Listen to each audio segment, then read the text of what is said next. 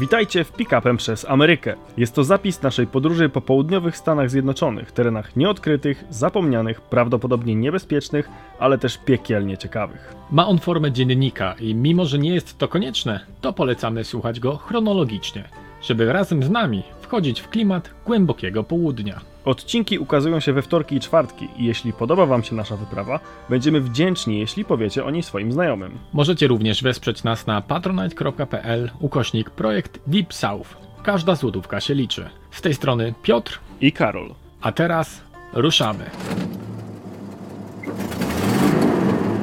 Za nami 3630 mil.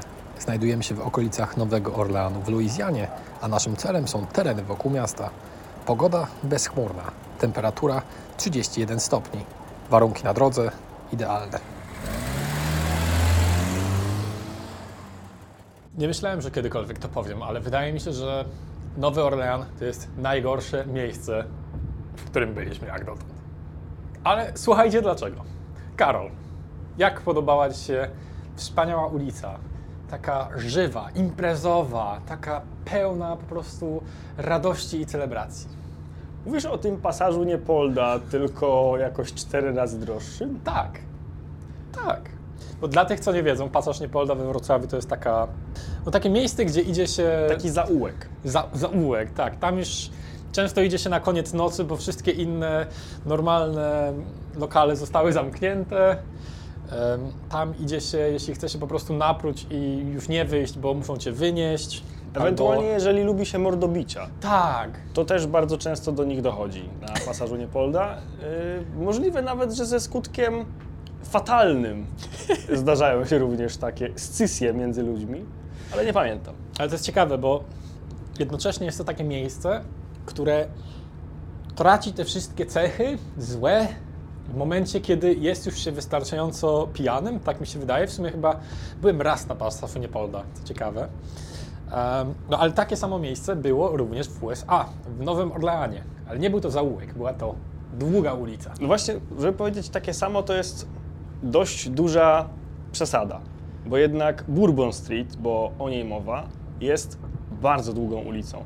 I szczerze mówiąc, jest to trochę szokujące w momencie, kiedy się nie jest przyzwyczajonym do tego typu miejsc, żeby zobaczyć naprawdę długi odcinek, gdzie po obu stronach ulicy co chwilę jest jakiś klub wypełniony do granic możliwości ludźmi. Ponadto na ulicy, gdzie w ogóle nie jeżdżą samochody, ruch samochodowy jest w ogóle chyba wyłączony. W tej ulicy Na tak. Bur- na I widzieć Street. można, widzieć można, gdyby tak w nakat już zrobili. Nie będziemy teraz wracać do tego tematu, Okej, do Twoich chorych, europejskich, urbanistycznych wizji, Piotrek. Jesteśmy w Stanach, myślimy po amerykańsku i Za- mówimy... Zaraz zacznę rzucać jakimś nazwiskiem, Le, Le, Le Corbusier, albo na przykład, nieważne, tylko Ameryka, USA. To nie jest jeden z tych panów, którzy zaprojektowali e, miasto Brasil w Brazylii i okazało się ono absolutnie niezdatne do życia? Może być. To jest w ogóle taka historia, e, że prawdopodobnie każde miasto, które zostało zbudowane jako idealne miasto od zera, nikt tam nigdy nie chciał mieszkać. Co ciekawe. Była taka historia w Wenecji, taka w Chinach, e, masakra. Więc pewnie, pewnie coś w tym stylu. No ale Tak. czy chciałbyś mieszkać na Bourbon Street albo przy Bourbon Street? Wśród tych pijanych Hmm. ludzi, absolutnie głośnej muzyki z lokali, gdzie drzwi i okna są pootwierane, muzyka między sobą się miesza. Pijani ludzie oddają mocz na środku ulicy i wydaje się, że absolutnie nikomu to nie przeszkadza. Część ulicy w ogóle jest zamknięta przez policję, tak, Tak. jakby doszło tam do morderstwa albo Tak. do, nie wiem, tego, Że tego typu rzeczy. Fantastyczne, nie, że tam doszło do czegoś, ale no, kiedy idzie się totalnie imprezową ulicą, gdzie dosłownie setki ludzi się przetaczają w każdej minucie w każdą stronę i nagle idziecie i przed wami jest taśma policyjna i jest zamknięte kolejne jakieś, nie wiem, 30-40 metrów, jakieś 50 yardów, haha. I nie można tam przejść i musicie obejść to naokoło i tam kręci się jakaś policja, nie wiadomo co się dzieje, masakra. Co E, ciekawe, 5 metrów przed tą policją stoi sobie wesoło poobklejany samochód, z którego sprzedają marihuanę. Tak, a o co chodzi? Z- Zakładam, że jest po prostu całkowicie legalna w Luizjanie. Nie sprawdzałem tego szczerze mówiąc, więc nie wiem. Albo jest już, wiesz, na tyle na tyle normalne, że policja uznała, dobra, nie obchodzi nas to. Tak też w wielu miejscach bywa. No ale Bourbon Street, e, dzielnica francuska, najbardziej imprezowa, najbardziej taka turystyczna też jednocześnie. Właśnie dzielnica najbardziej turystyczna, jeżeli chodzi o dzielnicę francuską, French Quarter, a jeśli chodzi o ulicę, to Bourbon Street najbardziej imprezowa. No i właśnie tak jak mówisz, że jest tam tak, że dosłownie co drzwi jest inny lokal, który jest pełny i w którym grają muzykę, bo naprawdę idąc minutę przez tą ulicę można zobaczyć lokal grający country. Nawet się chyba dwa, dwa miały w nazwie Honky Tonk, No właśnie. czyli taki klasyczny lokal z country. Więc mamy country, w innym mamy jazz, w innym mamy grające jeszcze jakieś typowe piosenki pop, w innym jakiś rock leci. Plus ze trzy luksusowe strip cluby. Dokładnie. I chyba nawet było jakieś, w którym takie leciało jakieś techno? Chyba nie. Wydaje mi się, że akurat techno tam nie było. No, ale były takie bardzo duże przestrzenie, takie kluby, gdzie realnie ludzie po prostu sobie tańczyli. E, Było dużo, bardzo dużo muzyki też na żywo. To nie jest tak, że ta muzyka była puszczana. Tam realnie ludzie byli i grali. No to było naprawdę urocze. Ludzie tańczyli w zasadzie nawet na środku ulicy. Tak, to w ogóle jedno z moich układ. ulubionych wspomnień jak na razie, naprawdę. Ludzie, którzy są sobie na ulicy, wszyscy patrzą w jedną stronę, stoją, stoją obok siebie i wygląda jakby wszyscy znali ten układ. Ja do teraz nie wiem w sumie, co to dokładnie jest. Czy to była jakaś piosenka, którą się tak tańczy, czy coś? No ale idziemy i nagle ludzie sobie tańczą prawo, lewo, tutaj chyba jakiś obrót i to naprawdę dziesiątki osób zsynchronizowanych tak samo. A dla kontekstu, no jest to już jakoś po 23, Sobota. sobota, po meczu e, futbolowym. Więc ludzie, już wiecie, napruci prawdopodobnie w trakcie meczu, a co dopiero po meczu. No i nadal jednak taki miły układ, fajny dla oka może się zadziać. No ale ciekawi mnie to, ciekawi mnie jak to miasto wygląda w momencie, kiedy właśnie jest to Mardi Gras. Mardi Gras. Mardi Gras? Mardi Gras, tak. Mardi Gras. Może chcesz coś opowiedzieć o tym? To jest w ogóle taki bardzo ciekawy motyw też w kulturze Nowego Orleanu, gdzie miasto na jeden dzień Nie wiem dokładnie ile trwa Mardi Gras, ale ciekawe jest na pewno to, że jeżeli ludzie w Polsce z czymś Nowy Orlean kojarzą, poza jazzem, to jest to właśnie Mardi Gras. No oczywiście tutaj ogromna zasługa filmu Easy Rider, gdzie główni bohaterowie starają się z Kalifornii przejechać przez całe Stany, żeby zdążyć właśnie na Mardi Gras, taki hipisowsko-hedonistyczny, szczególnie w tamtym momencie festiwal absolutnej dzikości, nawet dużo osób mówi, że część ludzi w ogóle tańczy nago na ulicach, że jest, wiecie, takie absolutne, hedonistyczne wyzwolenie. Trochę jakby Dionizos nad wszystkim czuwał, ale żeby było śmiesznie, jak się okazało w rozmowie z profesorem na uniwersytecie w Nakatish, Mardi Gras nie jest tylko i wyłącznie w Nowym Orleanie. Ten w Nowym Orleanie, owszem, jest najbardziej znany, ale jest też drugi analogiczny festiwal. Wydaje mi się, że w Alabamie, który stara się z nim konkurować, a poza tym na prowincjach są ich własne obchody Mardi Gras, które, jak to pan profesor powiedział, polegają na tym, żeby po kościele iść się napróć, nawet za kościołem, albo gdzieś na cmentarzu i na przykład potaplać się w błocie w stanie upojenia alkoholowego. To jest taki karnawał po prostu, nie? Tak. Trochę. Tak, trochę no, po prostu. wszystko karnawał. się wywraca do góry nogami, to jest to karnawał. Jak są parady na ulicach. Więc mój wniosek jest taki, że ta ulica może być wspaniała, pomijając wszędzie śmieci, sikających ludzi, ludzi sprzedających zioło i tak dalej. To może być ciekawe doświadczenie, kiedy jesteś w takim nastroju imprezowym, a nie po całym dniu e, zmęczony. To może być ciekawe. No tak, żeby turystycznie docenić walory Bourbon No. Street, to raczej nie w sobotę w nocy. No, ale jak turystyczno-imprezowo, to już wydaje mi się, no bo gdzie indziej będziesz w stanie wyjść z jakiegoś klubu, pubu, baru, miejscu, e, miejsca z muzyką na żywo, przejść dosłownie 5 metrów do kolejnych drzwi i bawić się dalej przy kompletnie innej muzyce. Też na żywo. Może w Miami? Wiesz, tam chyba nie z muzyką na żywo właśnie. Mm. Raczej, Tam raczej DJ-e mi się właśnie. kojarzą z Miami. No, mega ciekawe, więc może trzeba tam kiedyś wrócić na wielką libację alkoholową. Co ty na to, Karol? Zastanowię się nad tym, ale wiem, gdzie na pewno nie wrócimy. O, Do tego miejsca, w którym jedliśmy kanapkę z aligatorem. Jezu. Mam wrażenie teraz z perspektywy tych paru godzin, że to był jakiś skam. Zapłaciliśmy No. masę pieniędzy za kanapkę, która miała być rzekomo z mięsem aligatora. Była absolutnie zwykłą bagietką z odrobinem czegoś, co było w panierce, w ogromnej ilości panierki. To coś Mhm. smakowało jak kurczak z lekkim posmakiem ryby. Tak. No i całość była po prostu, że to nie jest tak, że była niesmaczna, ale za te pieniądze, które niesmak zapłaciliśmy, w ustach pozostawał, kiedy widziałeś, ile jest panierki, a ile jest mięsa. W sercu niesmak No, pozostawał. przede wszystkim. w duszy. Chociaż mówisz, że to była zwykła bagietka, no nie? Ale wyobraź sobie, jak wielkim odkryciem dla typowego Amerykanina musi być chleb, który smakuje tak jak w Europie, stary. Bagietka. No, Gdzie jesteś- ty bagietkę kupisz w reszcie Stanów? Masz tylko parodię chleba. No Gąbkę. ale jesteśmy w miejscu zdominowanym przez kulturę francuską jednak, historycznie. No, Więc te wpływy tam są dosyć, No, no, aczkolwiek dlatego jest bagietka. nie wiem, no właśnie, jak bardzo powszechne jest w sklepie spożywczym w Nowym Orleanie, bo nie byliśmy jeszcze, e, kupno zwykłego pieczywa, zwykłej bagietki, w myśl wpływów francuskich. o, no to jest ciekawe pytanie. No ale wzięliśmy sobie tę, tą, tę bagietę i Gambo. Gambo, tak. Dwie zupki sobie wzięliśmy. No i zapłaciliśmy jakieś chore pieniądze. Nawet żal mówić ile. I tak jak mówisz, to trochę może być taki skam, że chodzą tam wszyscy ci pijani ludzie i mają później dobre wspomnienia, wystawiają te wysokie oceny i tam jest jakieś chyba 4,3, 5, 7 na 5 na No, bardzo Google Maps. wysoka ocena.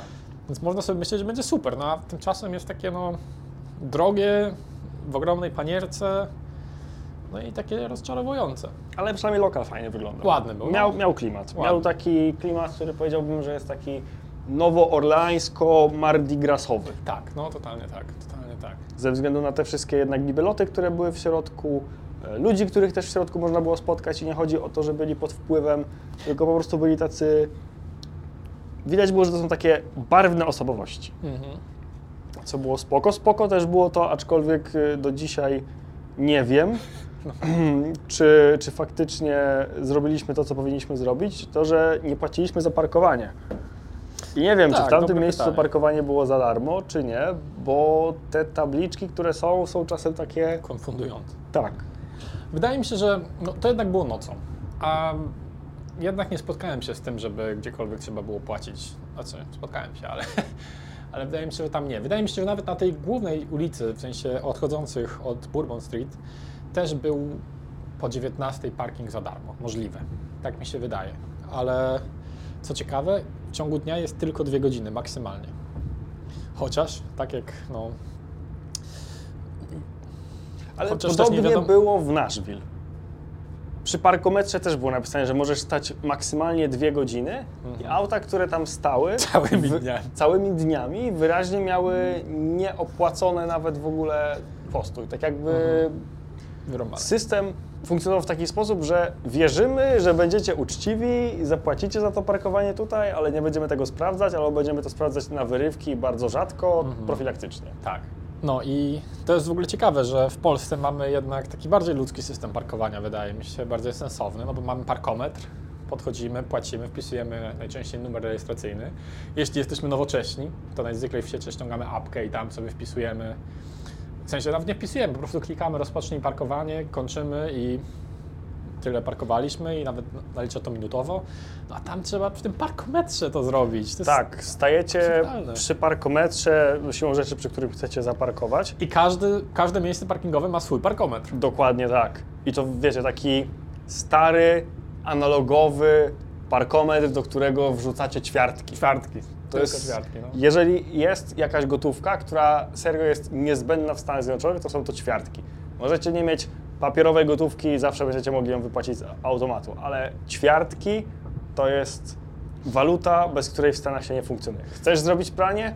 Dawaj ćwiartkę. Chcesz kupić gazetę? Dawaj ćwiartkę. Chcesz zaparkować? Dawaj ćwiartkę. Chociaż tak sobie pomyślałem, a co jeśli oni mają właśnie jakiś inteligentny system, których używają ci wszyscy ludzie, którzy my myślimy, że parkują nielegalnie. Duży mózg czas. No, że to sobie też klikają w aplikacji, bo na, nie wiem czy wiesz, ale Nielegalne jest uzupełnianie kogoś parkometru. Jest to przestępstwo czy wykroczenie? Nie wiem dokładnie, to jest do sprawdzenia, ale no nie możesz po prostu zobaczyć, o komuś się za y, minutę kończy parkometr, dorzucę mu tam, nie wiem, pół godziny, może się spóźni. Nie możesz tego zrobić. Jest nielegalne. Nie powinieneś. Nie powinieneś. No nie ma fizycznej blokady przed tym, żeby No to nie, zrobić. no nie. To nie jest tak, że nie, Nie ma skanera tęczówki, ani nic. kod, albo kluczyk, albo coś tam. Po prostu wrzucasz ćwiartki. Tak. Jak do, nie wiem, automatu z napojami. No więc jakby to nasze pierwsze spotkanie z Nowym Orleanem było takie powiedzmy niezbyt pozytywne. Jakby No jeszcze jak dodasz do tego dzielnicę, w której śpimy i to jak wyglądało nasze Airbnb, Dobra, słuchajcie, bo, bo ostatni podcast dzieje się w momencie, kiedy właśnie jedziemy do Nowego Orleanu i mamy wynajęte Airbnb. No i jak to na Airbnb czasem bywa, wszystko wygląda super. Mamy bardzo ładne zdjęcia. Wygląda to miejsce jak taki normalny, no, normalne mieszkanie. Tam jednak było napisane na tym Airbnb. A i co, co ważne, to jednak było na Bookingu, a nie na Airbnb. faktycznie. Ale, ale był to taki po prostu apartament właśnie typowy Airbnb. Ale było tam napisane, że dostaje się chyba losowy z kilku, które tam są. To było już jakby pierwsza rzecz. Ale wszystko wyglądało ok. No, było mniej więcej na tych zdjęciach widać, że nie będzie to nic dużego, ale wyglądało ludzko, nie? Że było na czym spać, było przy czym usiąść, było to czyste, ładne, nowe. No i kiedy rozmawialiśmy z Char- z Charlotte, to ja jej powiedziałem, w jakiej dzielnicy nocujemy, a ona powiedziała, eee, Wydaje mi się, no, że ty- bę- Będzie, wszystko będzie ok, wszystko będzie ok. Wydaje mi się, że ty powiedziałeś, w jakiej dzielnicy śpimy i zapytałeś, co ona sądzi o tej dzielnicy No. i czy możemy się czuć tam bezpiecznie. I ona właśnie wtedy miała takie, "Eee, eee, nic wam się nie stanie, będzie Tak, okej, Na pewno będzie wszystko będzie dobrze, tak, tak, tak. No, em, no była to dzielnica taka bardzo przedmieścia, bardzo e, multikulturowe przedmieścia jednocześnie. Biedne, E, biedne. multikulturowe przedmieścia, gdzie dwa domy od nas ktoś zbierał scrap metal. Tak, dokładnie. Po prostu całe podwórko było zawalone starymi samochodami, częściami samochodowymi, jakimś na wpół rozebranym AGD, e, koszykami sklepowymi niewiadomego pochodzenia. E, I na dodatek chyba jeszcze była tam tabliczka no trespassing Tak. i wszystko było utrzymane w klimacie takiej półlegalnej konspiry. Mhm. Wiecie, półlegalne interesy, drobne kradzieże, te sprawy, e, jakby clue działalności tegoż gospodarstwa. To jest jedna rzecz. Druga rzecz jest taka, że pozostałe domy bardzo często wcale nie wyglądały wiele lepiej. Wiecie, na przykład y, zadaszenie porczu, tudzież przedniej werandy zrobione z niebieskiej plandeki, takiej jaką się przykrywa, nie wiem, szopę. To się nazywa zaradność, Karol. Zaradność. Okej. Y, Więc w Kenner, gdyż tak się nazywa ta dzielnica, mieszkają bardzo zaradni ludzie. Są przede wszystkim bardzo ekologiczni, bo nie pozwalają, żeby coś po prostu trafiło na wysypisko śmieci, Dokładnie. tylko rozbierają to do każdej Dokładnie. użytecznej części i oddają to do recyklingu. No bo przecież jak oddajecie metal na złom, to on ma być recyklingowany i dostajecie za to pieniądze, więc są zaradni i przedsiębiorczy. A na dodatek, jeżeli chcą, żeby im na przednią werandę nie padał deszcz, to po prostu montują sobie plandekę. Widzisz? Oczywiście to jest tylko kilka takich skrajnych przykładów, ale ogólnie rzecz biorąc, jak się przejeżdżało tam kilkoma uliczkami, które były wokół naszego wspaniałego noclegu, No. no to były one takie trochę, no, nie chcę powiedzieć, że czułem się tam niebezpiecznie, bo nie czułem się w ogóle. Ludzie byli mili, jak kogoś mieliśmy, to się uśmiechali do nas, witali się z nami, ale nikt nie biegał. Więc uniwersalny wskaźnik dobrobytu ekonomicznego Piotra Karwali tutaj niestety Nikt nie, nie został biegał. spełniony Dla, nie dlatego, że uciekał przed kimś, tylko dla rekreacji dla zdrowia. i zdrowia i sportu. Więc wiadomo było, że okolica jest raczej niezamożna, skoro nikt tam nie biega, mimo bardzo ładnej pogody. Choć na samym początku jednak lało. Tak, ale jakby myślę, że że lało, to się zorientowaliśmy na Po tym, dzień. jak nam drzwi przeciekały. Tak, ale Bo ten lokal to był jakiś absurd. Ale jak doda, dojechaliśmy jakoś po pierwszej chyba. Coś takiego, po północy, Późno, pierwszej. W każdym razie, no już późno.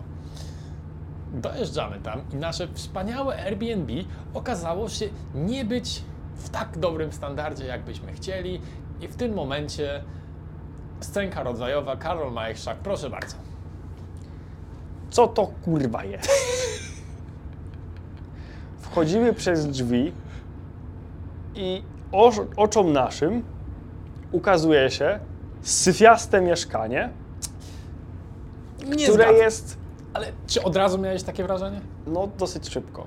Okej. Dosyć szybko, jak tylko zacząłem się rozglądać wszędzie, tak jak w każdym miejscu, w którym No. spaliśmy, to miałem takie yy, nie fajnie. W sensie było naprawdę brudno. Było do tego stopnia brudno, że jak dotąd nie pomyślałem o tym, żeby złożyć skargę, zażalenie na miejsca, w którym spaliśmy, a tutaj od razu praktycznie biorąc o tym pomyślałem. Szczególnie, że zawsze sprawdzam każde miejsce, w którym śpimy, czy nie ma tam pluskiew. Czy też e, chciałbym od razu dodać, że zwykle płacimy od 50 do 70 dolarów za zwykle motele, czyli za pokój tak naprawdę taki, gdzie tym razem był to apartament, mieszkanie za 80 dolarów. W baraku. 80 dolarów 63 centy. Dokładnie. Em, Więc mieliśmy apartament nie w baraku, tylko w em, jakby typowym nowoorleańskim stylu zabudowy, ok? w baraku na podejrzanej dzielnicy, gdzie jak podniosło się poduszkę od kanapy, na której teoretycznie można było spać, to była tam czyjaś brudna bielizna. Ja chciałbym tylko dodać, że nie była to poduszka, tylko to była taka wielka poducha, która służyła po prostu jako część kanapy. No taka poducha typu siedzisko. Taka wielka poducha, no. No tak, no ale nadal była tam czyjaś brudna bielizna i ogólnie było brudno w wielu miejscach, więc wszystkiego zostały zrobione zdjęcia. Ale czego zdjęcia, Karol? Da, dajesz, jakby opisz ten obraz marazmu, smutku i gniewu, który pojawił się w Twoich oczach, uszach, węchu, umyśle. To może zacznijmy od kanapy. Już wiemy, że była tam brudna bielizna. To jest raz. Później randomowe miejsca na tej kanapie upstrzone bardzo dziwnymi plamami. Pajęczyny, kurz, okruchy, brudne ręczniki. Jednego ręcznika w ogóle chyba brakowało, jeżeli dobrze pamiętam. Trzeba było używać naszych ręczników, bo byliśmy na tyle przezorni i mądrzy, że zabraliśmy sobie w tą podróż ręczniki turystyczne właśnie, gdyby nas spotykały tego typu sytuacje. Wydaje mi się, że mikrofalówka wyglądała jakby ktoś próbował ją wysadzić za pomocą puszki fasoli i, jakby mikrofalówka się się uda. nie dała, ale wnętrze było bardzo, bardzo, bardzo dokładnie oblepione jakimś brudem i syfem, plus sufit miejscami miał jakieś takie dziwne dziury, które były wokół pożółknięte. No i rano się, jak padał deszcz, okazało się, że drzwi przeciekają. I też e, sztuczce, jeśli o nie chodzi, to ich nie było praktycznie. No, Były dwa kubki i żadnych szklanek ani nic. Nie wiem, chyba coś w stylu właśnie dwóch widelców i żadnych noży, jakby to, to w ogóle Albo jest, na nie? odwrót, w sensie pamiętam, że te sztuczce, które tam były, były jakieś takie. Nie, chyba tak, były dwa widelce.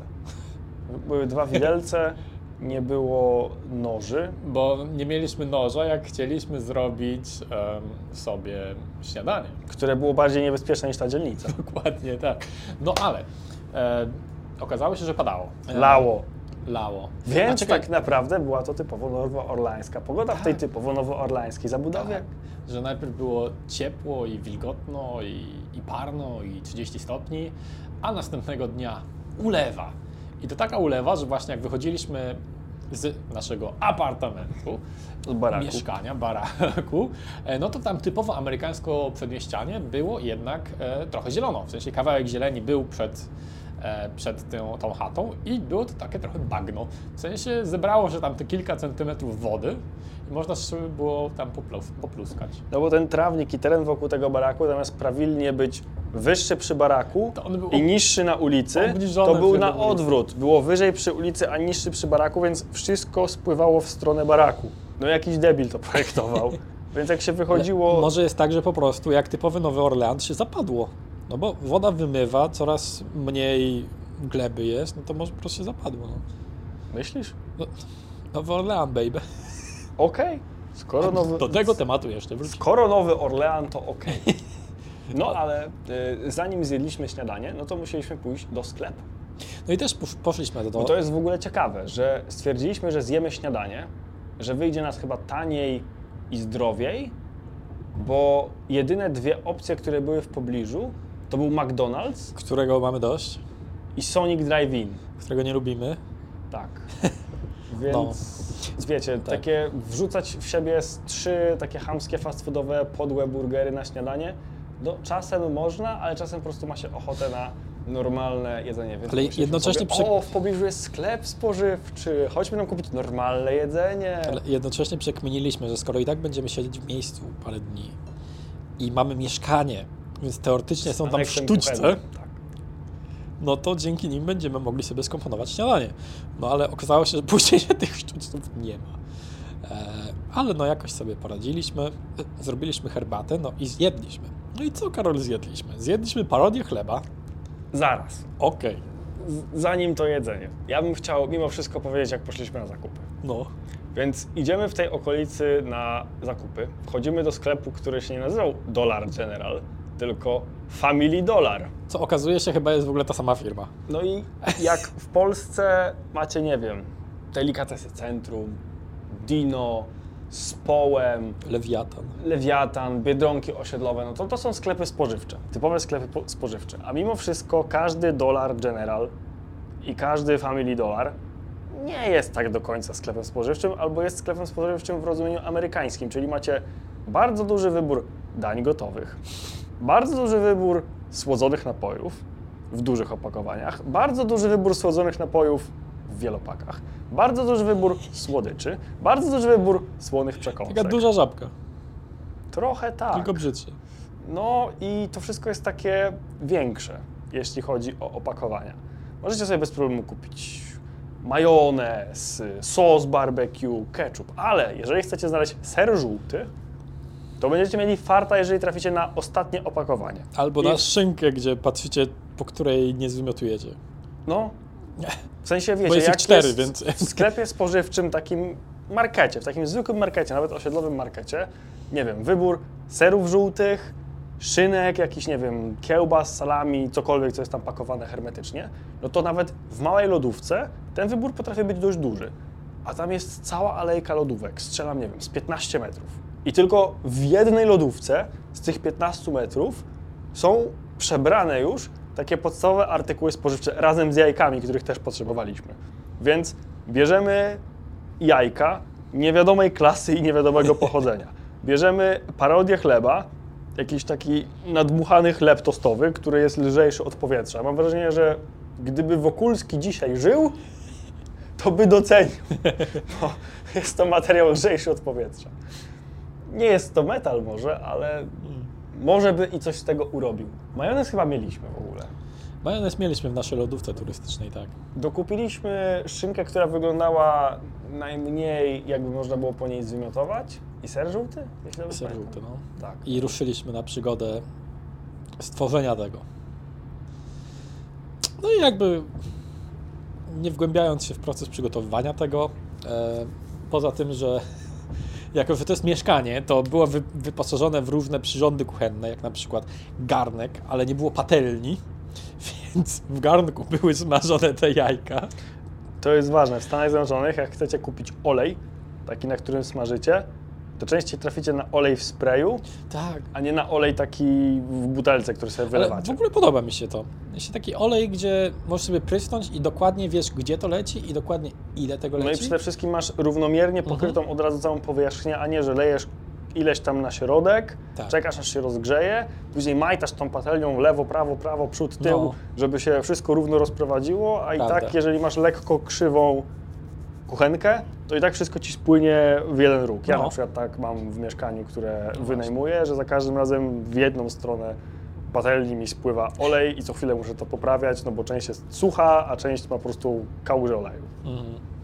Też e, rzeczą, którą widziałem, e, której chyba nie ma w Polsce, jest sos do naleśników. W sensie ciasto do naleśników, takie gotowe, które po prostu sobie wylewasz psz, i masz naleśnik. Nie musisz tego przygotowywać. Też sensowne uważam.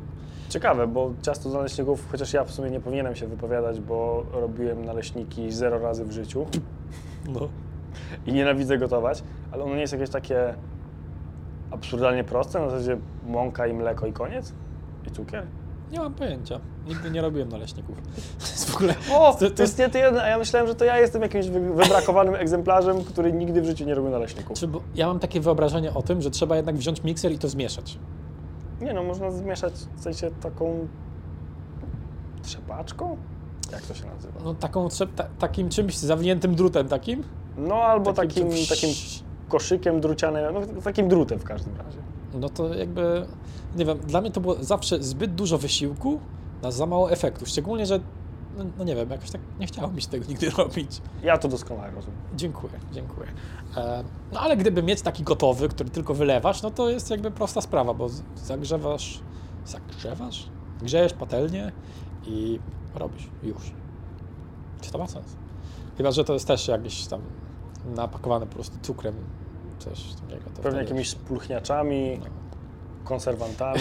Na pierwszym miejscu cukier, na, na drugim e, miejscu syrop fruk- Glukozowo-fruktozowy. fruktozowy, corn syrup i tak dalej. No. E, tak, no to, to, to miało sens, ale to było ciekawe, co się wydarzyło z, z nami po tym, kiedy to zjedliśmy. W sensie, że prawie zapadliśmy w śpiączkę Tak. po zjedzeniu tego Czy, śniadania. bo też wstaliśmy dość późno. E, no i nie byliśmy do końca wyspani, no bo jednak jechaliśmy nocą. E, później była przygoda z naszym mieszkaniem i twoim. No, two, twoją. Tym, że miałeś dość. Miałeś dość tego mieszkania. Na szczęście ta historia ma happy end. Tak. Em, no i zjedliśmy to śniadanie i zjedliśmy tylko po dwie kanapki, stary. Po dwie czy trzy? No ale to były Ale dwie czy trzy? amerykańskie kanapki. Chyba trzy.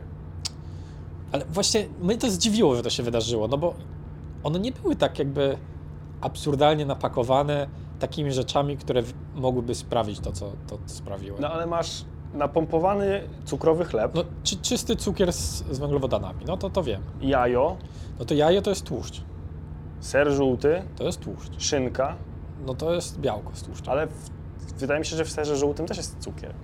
Szczególnie taki amerykański. No zależy, no, jakby ja raczej się spotkałem z tym, że, znaczy amerykański, no raczej w Polsce ser to jest po prostu 100% tłuszczu, bo to jest po prostu mleko na przykład.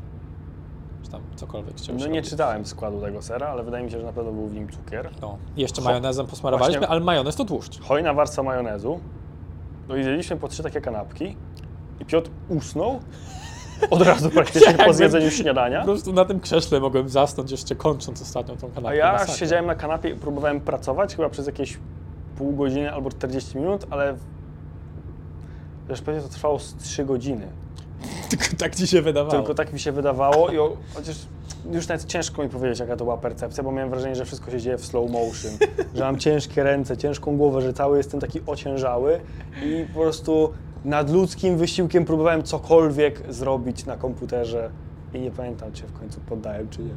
Bo jak ja teraz o tym myślę, Ale zmiotło nas z planszy. no ale stary, to jak my dużo zjedliśmy.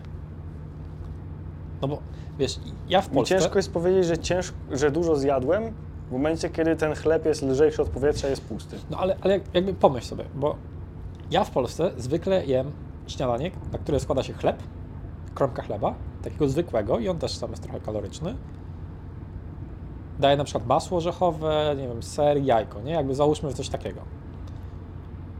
I jem dwie takie, plus taką trzecią kanapkę bez jajka, nie? No i porównując to z tym chlebem, który pewnie właśnie nie ma wartości odżywczych jakichś sensownych, ale paradoksalnie jest napakowany węglami i kaloriami, plus dajesz do tego kupę majonezu, kupę sera, kupę szynki i jeszcze jajko sadzone. I jeszcze takie trzy. Czy to jest jakiś ogrom w ogóle żarty? Stary, ile tam jest? Jest półtorej tysiąca? Nie wiem, ale ja uważam, że jeżeli masz najtańsze ubezpieczenie, to, to dostajesz przed operacją w Stanach od anestezjologa i po prostu zapadasz w śpiączkę. No, ale spanko było takie. Więc ch chyba połączenie jednocześnie tego, jakby jak skonfigurowane było to jedzenie e, z, tym, z tą parydą chleba, no plus ile my tego zjedliśmy. No, zmęczenie, ilość, składniki, pora dnia, konfiguracja, myślę, że to wszystko sprawiło, że prawie zapadliśmy w śpiączkę.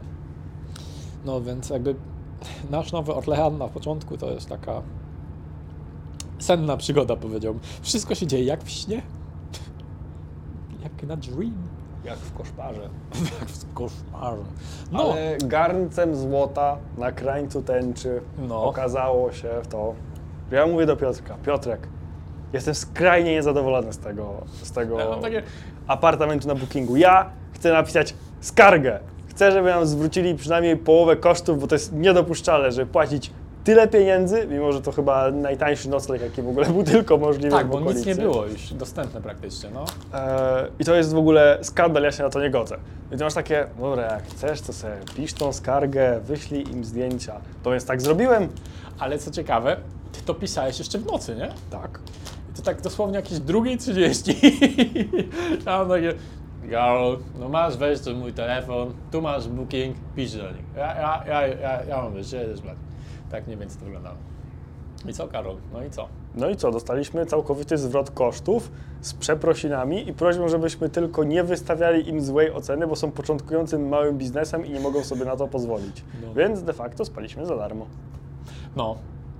I 240 No, za- dolarów w kieszeni, stary. Za koszt emocjonalnych zniszczeń.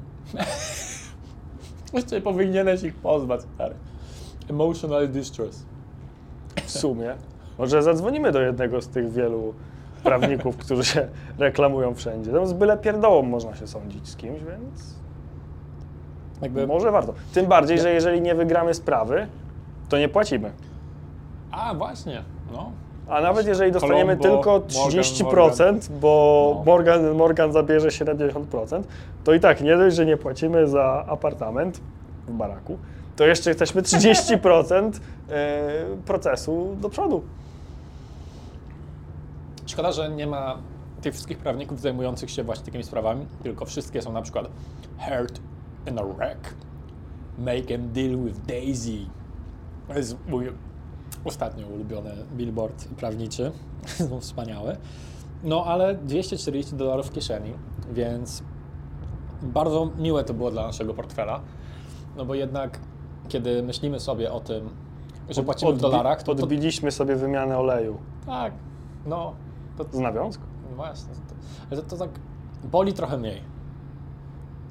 W sensie, kiedy myślicie o tym w dolarach, a nie w złotych. Nie przeliczajcie na złotówki, jak będziecie w No, Stanach, bo zwariujecie. szczególnie kiedy jest w okolicach 5 złotych za dolara. No, ale w końcu ta historia ma happy end, więc przynajmniej, przynajmniej tyle. A czy happy endem skończyła się historia jechania pod szkieletorowy dom? Prawie. Co to znaczy prawie? Bo wiesz, co ja bardziej pamiętam od tego domu? Co? Tą wielką dziurę, w którą można było wjechać na drodze obok tego domu. Dziurę, myślę, że na której można byłoby zwodować mały jacht. Takiego małego milionera. Bardzo małego milionera. Tego, kurde, skąd on jest? Z Tadżykistanu? A tego takiego Tak. dwudziestokilkuletniego, co wygląda jak miał 5 lat. Tak, jak on się nazywa? Ha, hez, Hazbuba? Haz, no, wiecie o kogo chodzi. Gościu wygląda jakby miał 5 i 55 lat jednocześnie, a ma 20 No, parę. no masakra od drogi to jest taki ciekawy temat. Znaczy, to była bo- droga dojazdowa No osiedlowa. właśnie, to było absurdalne, bo ten dom, to zaraz jakby nadasz szerszego kontekstu, dlaczego akurat chcieliśmy zobaczyć ten konkretny dom, był na takim, nie chcę prestiżowym, ale takim osiedlu klasy średniej. No, widać, że domy są duże. Zadbane raczej wszystko wokół i tak dalej, nie była taka szemrana okolica jak Kenner. No i macie drogę boczną w zasadzie, zaraz obok drogi asfaltowej, która była tak po prostu strasznie dziurawa, że mam wrażenie, że jeżeli nie miało się podwyższonego pick-upa heavy duty, to za każdym razem ktoś urywa tam koło. No chyba, że jedziecie z prędkością pół mili na godzinę, no to wtedy jakby uderzenie nie będzie na tyle duże, żeby wam urwało koło albo rozwaliło Mhm. zawieszenie. No to było ciekawe, bo no, jakby dlaczego? Ja kojarzę tego typu, więcej dziur niż ja niż kojarzę tego asfaltu. typu drogi w Polsce, tylko na przykład jak jest wioska, która się rozrasta, bo sprowadzają się do niej ludzie z Mhm. okolicznego miasta i jeszcze gmina nie nadąży z budowaniem drogi asfaltowej, Więc jest po prostu taka rozjeżdżona przez maszyny rolnicze i budowlane droga, na której są po prostu randomowe dziury, ale to jest po prostu takie klepisko ziemne tak naprawdę. Czasem jak ktoś Ale zainterweniuje dokładnie, dokładnie tak. u wójta, no to wysypią jakimś żwirem albo tłuczniem tą drogę i to się uklepie po jakimś czasie. Tak, tak. No nawet miałem dokładnie takie, takie przeżycie e, na, no w jednej miejscowości pod Wrocławiem, że były now, nowe domy, nie domy, takie wybudowane i była droga do nich, gdzie nie było drogi, były dziury, w sensie między dziurami czasem był asfalt. Nawet nie asfalt, tylko taka utwardzona po prostu droga. E, więc no, flashbacki. Ale ten dom to jest taka atrakcja turystyczna, taka trochę nieoficjalna atrakcja turystyczna powiedziałbym, bo jest taki Skeleton House i Kraken House ostatnio, w zależności, bo jak jest Halloween, no my przyjechaliśmy już chwileczkę po, e, więc nie wiem czy Krakena nie było w tym roku, czy po prostu, no nie wiem, jest chowany na dzień, nie mam pojęcia, na noc, nie mam pojęcia. Może co roku jest coś innego. Może.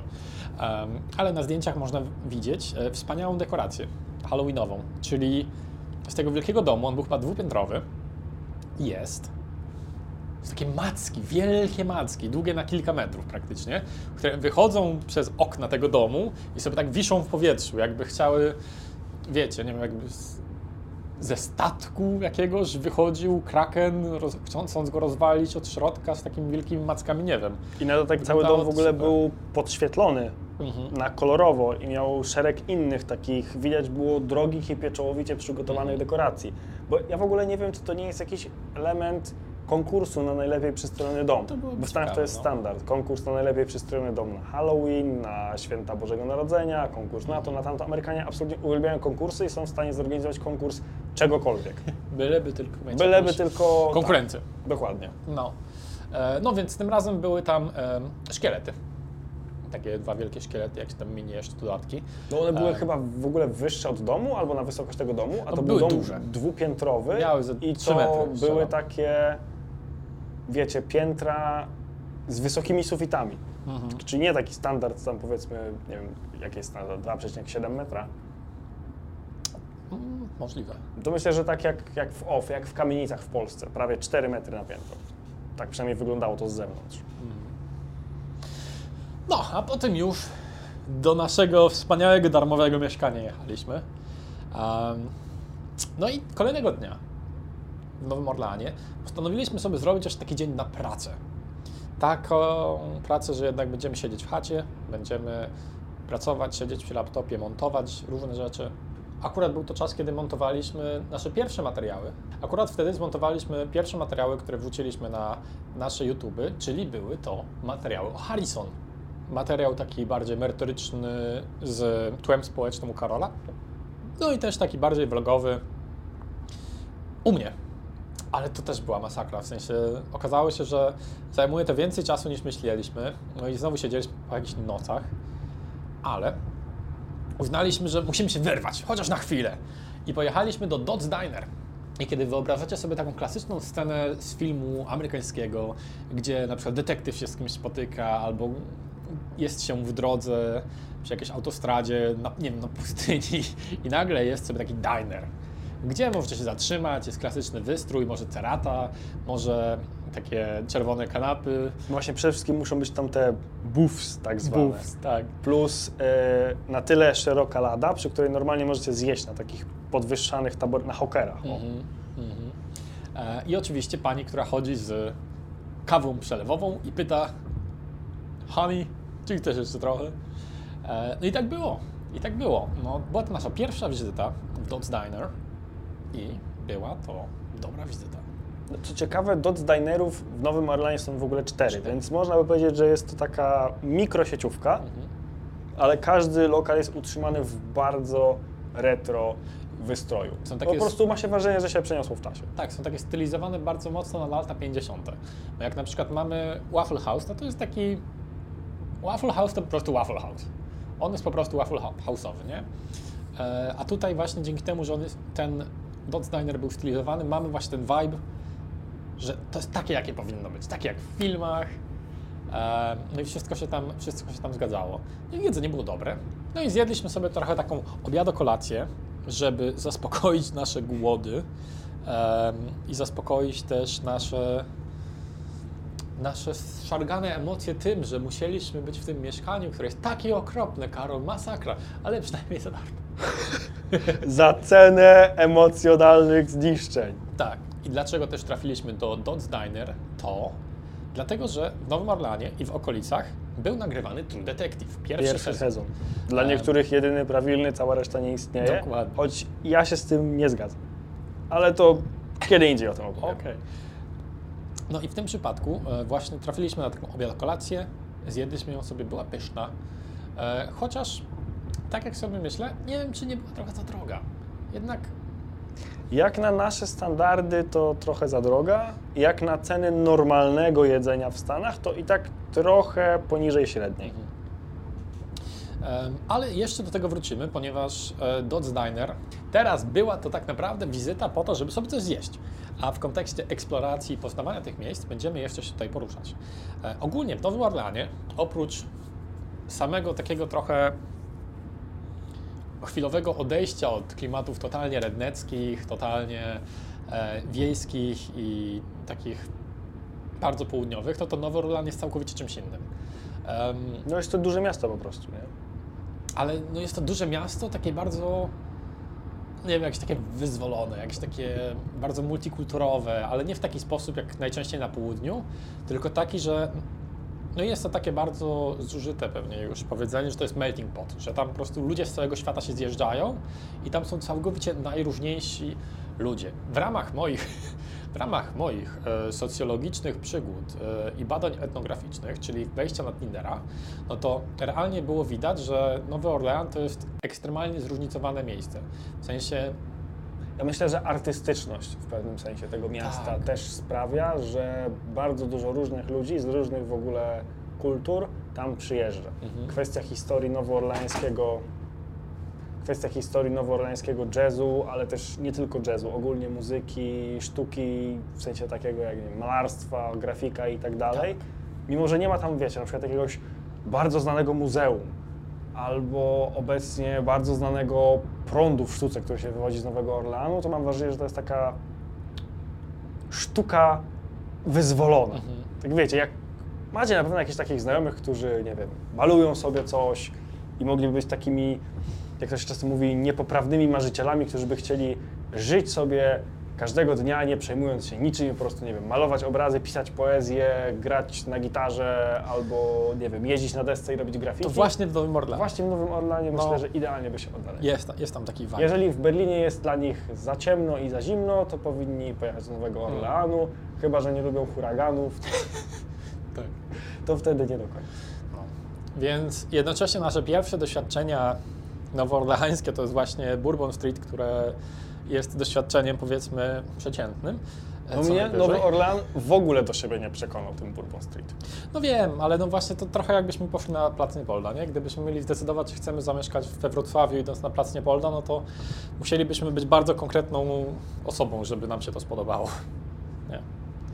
E, No ale Nowy Orlean jest to fascynujące miasto i będziemy opowiadać Wam o tym już tak naprawdę w kolejnym odcinku. No tak, bo jeszcze trochę będziemy je zwiedzać. Będziemy je trochę zwiedzać na różne sposoby. Więc może Nowy Orlean wykorzysta drugą szansę. Zobaczymy. Tak. A co będziecie mogli otrzymać w kolejnym odcinku, to m.in. właśnie wizyta w Dodds Diner, jedzenie tam, śniadanie, jak wygląda śniadanie w typowym dinerze, no i przede wszystkim miejscówki z True Detective. Będziemy jeździć po absolutnie mega ciekawych, intrygujących i całkowicie nie nowoorleańskich miejsc, ponieważ będzie to na prowincji, na wsi, w szczerym polu pewnie nawet. Zobaczymy, jak zachowały się rzeczy z tego serialu, który powstał już x lat temu. Ile to będzie? 10? Wiesz co, wydaje mi się, że pierwszy sezon to możliwe, że nawet był 2008 rok. Kurde. Może trochę później, 2012, ale faktycznie tak w okolicach. E, tak, chyba, chyba później. Po huraganie Katrina był kręcony, mam takie wrażenie. Mm.